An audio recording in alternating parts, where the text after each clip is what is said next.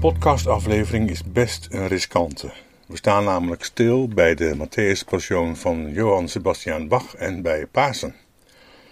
Is dat niet hetzelfde?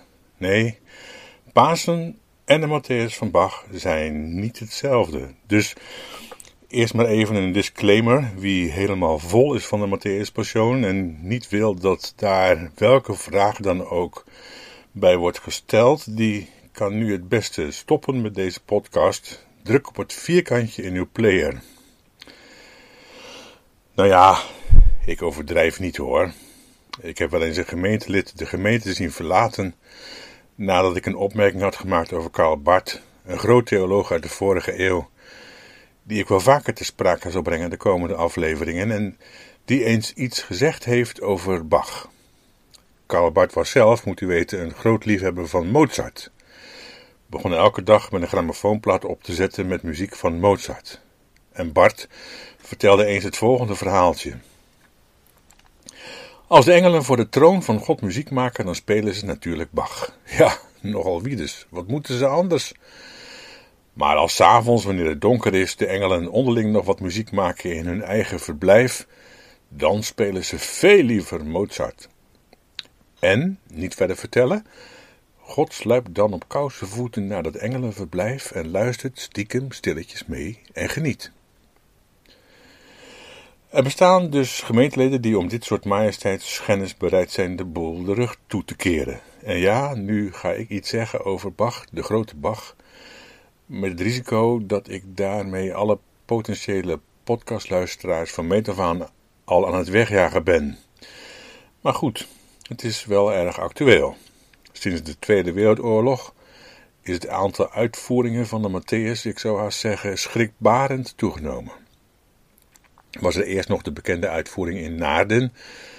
Sinds de ontkerkelijking hebben vele mensen de gang naar de ettelijke plekken waar de Matthäus wordt uitgevoerd steeds beter weten te vinden.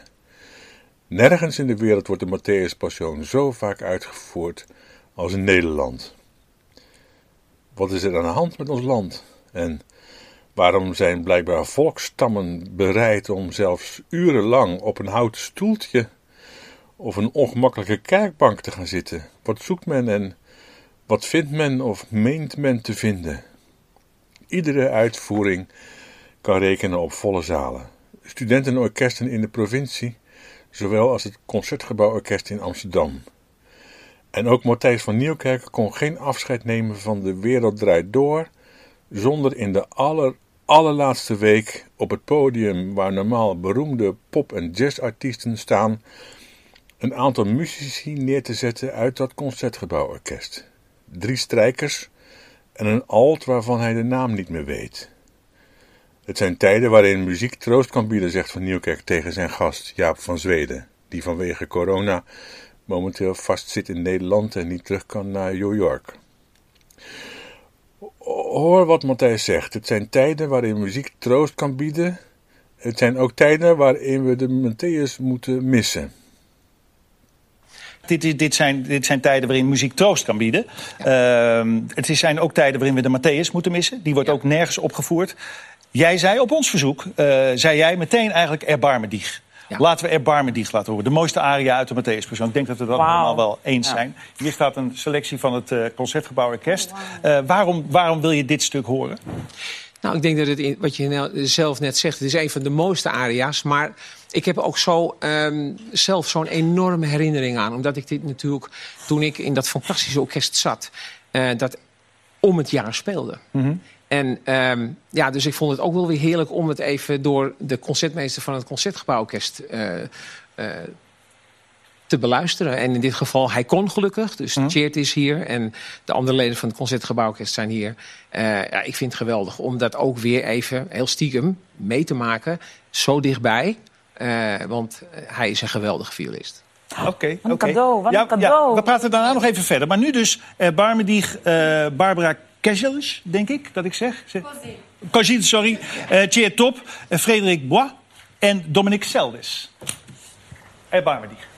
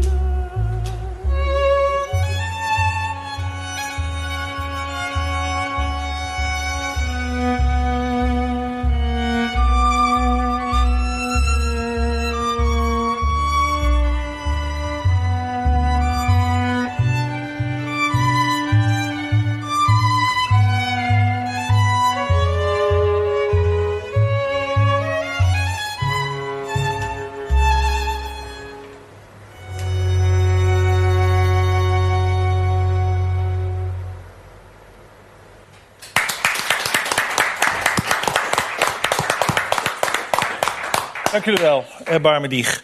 Uh, ik heb genade. Het probleem met de Matthäus is dat het zo goed gemaakt is. Vele studies zijn eraan besteed en het heeft iets magisch dat een mens dit maken kan. Jaren geleden was de onlangs overleden meesterlijke dirigent Rijnbert de Leeuw ook al eens bij De Wereld Door. Over hem was door Sherry Duins een prachtige documentaire gemaakt, omdat hij zich had laten overhalen om naast alle moderne en vaak atonale muziek ook de Matthäus van Bach eens ter hand te nemen. En de leeuw waagde zich eraan en raakte in een wereld, een wondere wereld die hij tevoren niet had vermoed, maar waar hij als het ware eindeloos van geheim naar een nog groter geheim gevoerd werd. Dus u voelt wel aan, een kritische opmerking maken over de Matthäus-persoon wordt al snel ervaren als een vorm van barbarij, die mij niet past. Maar afgezien van de esthetische kwaliteiten mag ik toch wel vragen wat de tekst van de Matthäus doet met de luisteraar, maar ook met de oorspronkelijke schrijver van de tekst waarop alles berust, de evangelist Matthäus. De Matthäus-persoon wil, naast een muzikaal fenomeen, vooral een interpretatie zijn van de tekst van Matthäus 26 en Matthäus 27. En is het nu werkelijk zo dat de vele duizenden en duizenden die deze muzikale interpretatie van een Bijbelse tekst ondergaan, de tekst van Matthäus horen verkondigen? Of horen ze iets heel anders? Iets dat Matthäus helemaal, maar dan ook helemaal niet bedoelt? Dat is een lastig probleem. Je mag van de Bijbel zeggen dat het onzin is, belachelijk, verachtelijk, schandelijk, verwerpelijk. En dat gebeurt ook allemaal. Maar van de Matthäus, in feite bedoeld als niets meer dan het muzikaal vertolken van Bijbelse tekst, van de Matthäus blijf je af. Die is heilig. Al die duizenden die normaal gesproken, als er geen crisis zou zijn, naar vele kerken en concertzalen trekken en soms grote sommen geld neertellen omdat je de Matthäus moet hebben gehoord iedere twee jaar weer, zoals Jaap van Zweden aangaf, elke twee jaar dat stuk te hebben gespeeld. Al die duizenden worden die nu getroffen en raken die ontroerd door het lijden van Christus? Of gebeurt er iets heel anders en raken ze veel meer onder de indruk van een vreemd soort van medelijden met de Christusfiguur? Een, soort van sympathie met de underdog. Natuurlijk moet je de Matthäus plaatsen in een lange traditie van passiespelen, tot op de moderne variant van de publieke omroep The Passion. Eh, dat is die met dat 6 meter lange TL-balkenkruis over de botermarkt. En uiteindelijk eh, moet je dan, denk ik, toch zeggen dat de Matthäus-passion van Bach één grote, lange, tamelijk dwingende treurode is. Een aaneenschakeling van zuchten, klachten en verwijten, vormgegeven in prachtige koorpartijen en betoverende aria's. Zo mooi, muzikaal gezien, dat wat de evangelist zegt soms maar wordt weggelaten om de uitvoering wat minder langdurig te maken. En dan met de overweging die gedeelten van de evangelist kunnen wel weg, want dat, dat, dat weten we allemaal wel. En, en, en omdat de partij van de evangelist ook muzikaal nu eenmaal niet zo interessant is. Eigenlijk zonde dat dat er allemaal nog tussen moet. Als de uitvoering in een kerk plaatsvindt, dan zetten ze de zanger die de evangelistpartij zingt vaak op de preekstoel. Met als effect dat wat er van de preekstoel komt minder belangrijk lijkt. Of is. Een heel vreemd effect. Maar die aria's en koorpartijen waar iedereen mee wegloopt, dat zijn nu juist teksten die niet in het verhaal van Matthäus staan.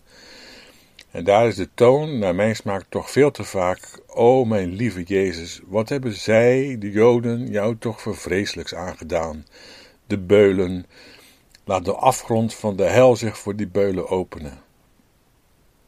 De teksten van die koren en aria's die mensen het meest onthouden, komen niet uit de eigenlijke twee hoofdstukken van Matthäus, maar meer uit de traditie van de 17e eeuwse vrome kerk. Het mooie erbarme dieg, wat in de wereld draait door zo prominent mocht klinken, klinkt dus niet uit de mond van Petrus in de laatste zin van Matthäus 26. Het geheel van de Matthäus is dus een treurode, die uiteindelijk zijn climax vindt in een graflied. Deze laatste aanduiding van de Matthäus Passion is niet van mij, maar is een scherpe karakteristiek van de eerder genoemde Karl Barth. Wir setzen uns mit Tränen nieder, huilend gaan wij zitten, und rufen dir im Grabe zu, en roepen u in het graf toe, Ruhe sanfte, sanfte Ruhe, rust zacht, rest in peace. Maar wil Matthäus dat bereiken bij zijn lezers? Nee, ik denk van niet. Het verhaal van de evangelist zet ons niet metgene nieder aan een graf, maar het roept: Ontwaakt, gij die slaapt, en sta op uit de doden, en de Messias, de lijdende en stervende, zal over u lichten. Ja, behalve de laatste zin van de Matthäus Passion, roe zanfte, zanfte roe, is ook de zin waarmee de Matthäus Passion begint zeer merkwaardig. Het begint met nadat Jezus al deze woorden gesproken had. Als lezer van de tekst, ik denk dat een kind die vraag al zou stellen, vraag je je dan onmiddellijk af: welke woorden dan? Wat heeft Jezus dan gesproken? Dat moet je dan toch weten om het vervolg te kunnen begrijpen. Maar de hoorders van de Matthäus weten dat niet en komen het ook niet aan de weet. De woorden die Matthäus Jezus laat spreken, en die we dus moeten kennen om het vervolg te kunnen verstaan, zijn woorden over schapen en bokken en over hemels koninkrijk en hellevuur. Nou, het hellevuur komt wel degelijk terug in de Matthäus Passion, maar bepaalt niet op de manier van de woorden die Jezus gesproken heeft. Het verhaal dat in ons gehoor moet zitten om hoofdstuk 25 en 26 te begrijpen, is het verhaal van de koning als rechter uit hoofdstuk 25. Tussen Pasen en Pinksteren zal ik aan dat wonderlijke en heel spannende verhaal een aparte podcast wijden. Goed, hoe ver zijn we nu? U zit nu misschien vol met vragen, of tegenwerpingen zelfs. Ja, maar. Bijvoorbeeld, Jezus stierf toch bij wijze van straf, straf op de zonde. Of, uh, ja, maar Pasen is toch later? na Goede Vrijdag moet het toch eerst zondag worden en dan, ja, dan geen treurigheid meer, maar alleen maar blijheid en vrolijkheid. Dan is alle leed vergeten. Is dat laatste werkelijk zo? Van, van die straf, dat zit diep hoor in ons denken en ook in de Matthäus Passion. Elke keer als we horen dat Jezus heeft gezegd dat het moest, moest de Messias niet lijden, denken we dat dat moest van God als straf op de zonde maar dat hoeft natuurlijk helemaal niet. Het kan ook een heel ander moeten betreffen.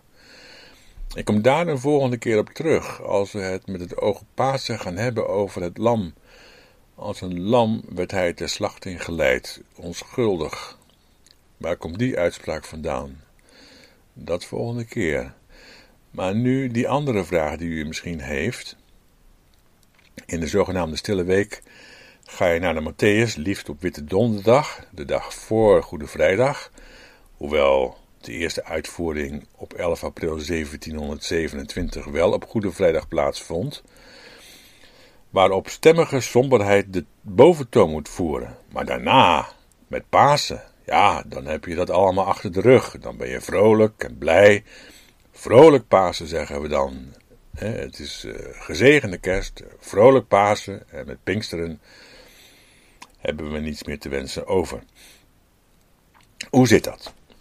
Om dat te kunnen begrijpen, moeten we weten waar het woord Pasen vandaan komt. Wat is dat voor een woord? Kerst komt van Christus, dat is wel herkenbaar, denk ik, qua etymologie, woordafstamming. Pinksteren komt van 50, denk maar aan je pink, je vijfde vinger, Pentecostal. Maar Pasen, wie heeft dat woord ooit bedacht? Ik kan het uitleggen. Als u een oud boekje leest van W.G. van der Hulst of zo, met die streepjes ertussen die ik nooit begreep, hè, dus schaap, je en lam, me, je, dan kun je vinden dat er staat Paaschfeest, een Paaschlam. Nu letten we even alleen op de medeklinkers, dan heb je dus achtereenvolgens een P, een S en een G. Paasch. Het Hebreeuws, de taal van het boek van Israël, wat wij met een wat vernederende term het Oude Testament noemen. Oud omdat er iets nieuws voor in de plaats gekomen zou zijn. Wat natuurlijk onzin is. Hè? Het, is ook niet zo dat het Oude Testament iets troostends zegt over het leven van Jezus. Dat is ook moeilijk voorstelbaar, toch? Dat, dat grote profeten als Jeremia en Jezaja, waar we volgende keer bij stil zullen staan, wanneer we het zullen hebben over het onschuldige lam dat ertussen geraakt is. Eh, onvoorstelbaar dat zij in hun tijd, de periode van de Assyrische en de Babylonische ballingschap, waarin het volk Israël zo goed als uitgeroeid werd, dat zij hun leidende volksgenoten hebben willen troosten met het leven van iemand die vele honderden jaren later geboren zou worden. Nee, wat ik wil zeggen, het Hebreeuws, de taal van het boek van Israël, het zogenaamde Oude Testament, heeft het over Pesach. Ons woord Pasen is dus helemaal geen Nederlands woord, maar een woord regelrecht uit het Hebreeuws. En Pesach betekent hinkelen of overslaan. Op een gegeven moment is de ellende en de verschrikkingen van de slaven in Egypte zo groot dat er een God van zich doet spreken die anders is dan de goden. Dus eigenlijk geen echte God zou je zeggen. Die dus niet kiest voor de macht en de roem en de eer, maar die begint om die samenleving die Egypte heet en die enorm welvarend is, met tien harde slagen te ontmaskeren.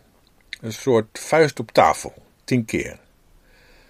De onderkant van wat zo mooi lijkt, de weelde en de welstand, dat wordt allemaal onthuld en aan het licht gebracht. De Nijl, de vruchtbare almacht van Egypte, die in alles voorziet, wordt ontmaskerd als een stroom van bloed. Van het vee wordt onthuld dat het intensief wordt uitgemergeld en leeggezogen. De lucht is vervuild met muggen. De godsdienst die alles rechtvaardigt en recht praat wat krom is, wordt te kijk gesteld als een troep oorverdovend kwakende kikkers. Het is onthullend, met een duur woord apocalyptisch. Apocalypse is een Grieks woord voor onthulling. Dat is dus niet iets wat nog komen moet in een soort van eindtijd, heel ver weg, in de toekomst. Nee, dat is het hart van het Pesachfeest. En is dus iets wat er was en is. En tegen zo'n demasqué is een welvaartsstaat niet opgewassen en dat betekent dan altijd zoiets als Bijltjesdag. Als die slaven er nou maar niet zouden zijn, laat ze terug naar hun eigen land gaan. Ze komen toch van Abraham of zo. En die komt ergens uit, uit Ur der Galdeën. Ver weg is dan in elk geval. Dus uitzetten die lui. Want als die vermaledijde Hebreeën er niet zouden zijn, dan hadden wij geen moeilijkheden en was iedereen weer blij en gelukkig. Maar waar horen we dat vaker, nietwaar? En dan nu het hart van het Pesachfeest. Die slaven, die arbeiders, migranten, afstammelingen van Abraham, Isaac en Jacob. Die slaven die, die onderaan de piramide van de samenleving worden uitgeperst en onderdrukt, die, die gaan zich verzetten. Ze staan als het ware op uit de dood. Ontwaakt gij die slaapt en sta op, sta op uit de dood, de permanente dood van een dodelijke onrechtvaardigheid. Zeg nee tegen dat wat tegen alleen maar nee gezegd kan worden. En ze slachten een lammetje en smeerden het bloed daarvan aan de deurpost van hun slavenhutjes, de mezoezen. Als een vorm van protest. Het is verzet. Kijk, farao, zo kleurt gij onze vlaggen, zo rood als bloed. Het bloed van dat paaslammetje was dus verzetsbloed, opstandbloed, onthullend bloed. En bij elk huisje waar slavengezinnen in opstand kwamen tegen de onrechtvaardige overheersing van de farao, liep de wurgengel die de toekomstloosheid van zo'n samenleving onthulde, apocalyptisch, voorbij. De dodelijke toekomstloosheid. Er is geen eerstgeborene. Een samenleving gebaseerd op slavernij is een ten dode gedoemde machtswereld. En de wurgengel die dat in beeld brengt, gaat voorbij aan de deuren van slaven die in verzet komen. Die, die hinkelt als het ware. Pesach betekent namelijk hinkelen of overslaan. Nou, daar kunnen we nu niet al te diep op ingaan, dat doen we later wel, als u voor nu maar begrijpt dat het bloed van het paaslammetje niet aan de deurposten is gesmeerd bij wijze van straf. Ook niet als straf op de zonde, waar de Matthäus-passion zo vol van is, met name in de koralen en de aria's, die gedeelten dus die niet van de evangelist zijn. Het zichtbare bloed van het paaslammetje op het hout van die huisjes daar in die uithoek in Egypte was nu juist om aan de straf, de, de, de toekomstloosheid van een uitbuitende samenleving, te ontkomen. Te ontkomen door openlijk verzet te plegen. De slavernij, dat was veel meer de straf. De toekomstloosheid daarvan, een, een systeem dat de kinderen verslindt en opoffert. Niet de bevrijding. Dat heet dus Pesach. En dat Hebreeuwse woord is onvertaald gebleven in het Nederlands en is verbasterd tot Pasch. En in de meervoud Pasen.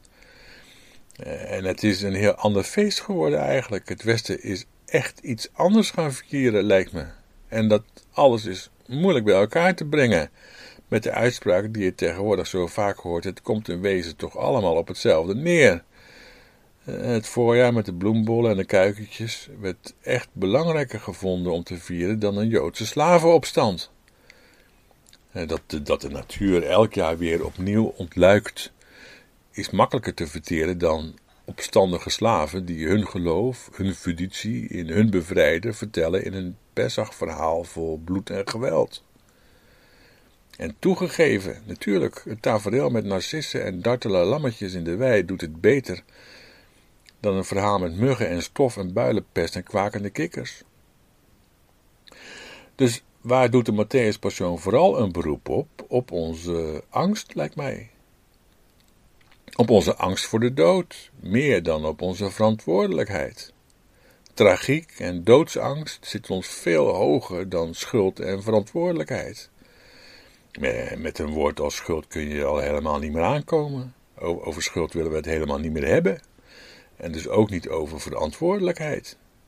Ons moderne westerse ideaal is niet verantwoordelijk zijn, maar onsterfelijk. Eh, niet onze schuld onder ogen zien, maar de dood overwinnen. Eeuwig leven. Pasen is een Hollywood-story geworden. Living happily ever after. En met Pasen roepen we en zingen we dat uit en genieten van een paasontbijt. Met vruchtbaarheidstekens, met aasjes, met een mandje vol eitjes voor hun buikjes. Over de lente hebben we het, het frisse voorjaar met de geur van hyacinten. En vergeten eventjes de herfst. Maar wie de natuur meer laat spreken dan het Bijbelse verhaal, die belandt hoe dan ook na een half jaar weer in een herfstbos waar het ruikt naar paddenstoelen en zwammen en dood. De Matthäus Passion appelleert aan ons gevoel van angst, angst voor de dood en voor het graf. Maar de eerste christelijke gemeente kende die kleinzerigheid nou juist helemaal niet. Die volgden een Heer die die kleinzerigheid evenmin kende en die bereid was zijn leven te geven om trouw te blijven aan de slaven van Pesach. En in die eerste christelijke gemeente, die nog Pesach, Pasen vierde zonder de Matthäus-passion, golden hele andere dingen dan tijdens de talloze uitvoering van de Matthäus in onze concertzalen. Daar in een van die vroege gemeenten was een vrouw, althans, men denkt tegenwoordig dat het een vrouw is die het opschreef, de schrijfster van het boek aan de Hebreeën. En die naam kiest ze niet voor niets. En zij schrijft van de Messias dat hij gekomen is, niet om de straf van God te dragen voor onze zonden, maar om te bevrijden. Te bevrijden allen die door angst voor de dood tot slavernij zijn gedoemd. Zo schrijft ze het. Het is de angst voor de dood die mensen doemt tot slavernij. Ik denk dat er nauwelijks één duidelijker tekst te vinden is in het zogenaamde Nieuwe Testament die beter weergeeft waar het in wezen om gaat. U kunt de tekst vinden in Hebreeën 2, vers 15. Opdat hij allen zou bevrijden die gedurende hun ganse leven door angst voor de dood tot slavernij gedoemd waren. Moet u niet een moderne vertaling nemen hoor, want die, die zijn wel in begrijpelijk Nederlands geschreven. Maar als u je afvraagt wat je dan begrijpt, dan ben ik bang dat je alleen het oppervlakkige geloof van de vertaler begrijpt. En de vertaler van die nieuwste Bijbel in omgangstaal, die snapt blijkbaar niets, of hij wil dat u als lezer niets gaat snappen van het gedoe met slavernij. Die, die, die heeft de kuikentjes, paashaasjes en alle kleuren van de eitjes voor de ogen. En die maakt er dan maar van. Wij waren ons hele leven lang bang voor de dood, maar Jezus heeft ons van die angst bevrijd. Welk belangrijk woord is nu wegvertaald? Slavernij, inderdaad. Slavernij. Onbegrijpelijk vind ik dat. In een brief waarvan de schrijfster expres zegt dat die gericht is aan alle Hebreeën die er ter wereld mogen zijn, dan behoor je niet zo'n wezenlijk begrip als slavernij weg te poetsen. Daar gaat het juist over. Maar moderne vertalingen willen dat niet, dus die laten het gewoon weg. Wat de schrijfster van de Hebreeënbrief ook mag hebben neergepend. Wij waren ons hele leven bang voor de dood, dat is dan zeg maar Goede Vrijdag. Maar Jezus heeft ons van die angst bevrijd, en dat is dan vrolijk Pasen. Zo moet het niet.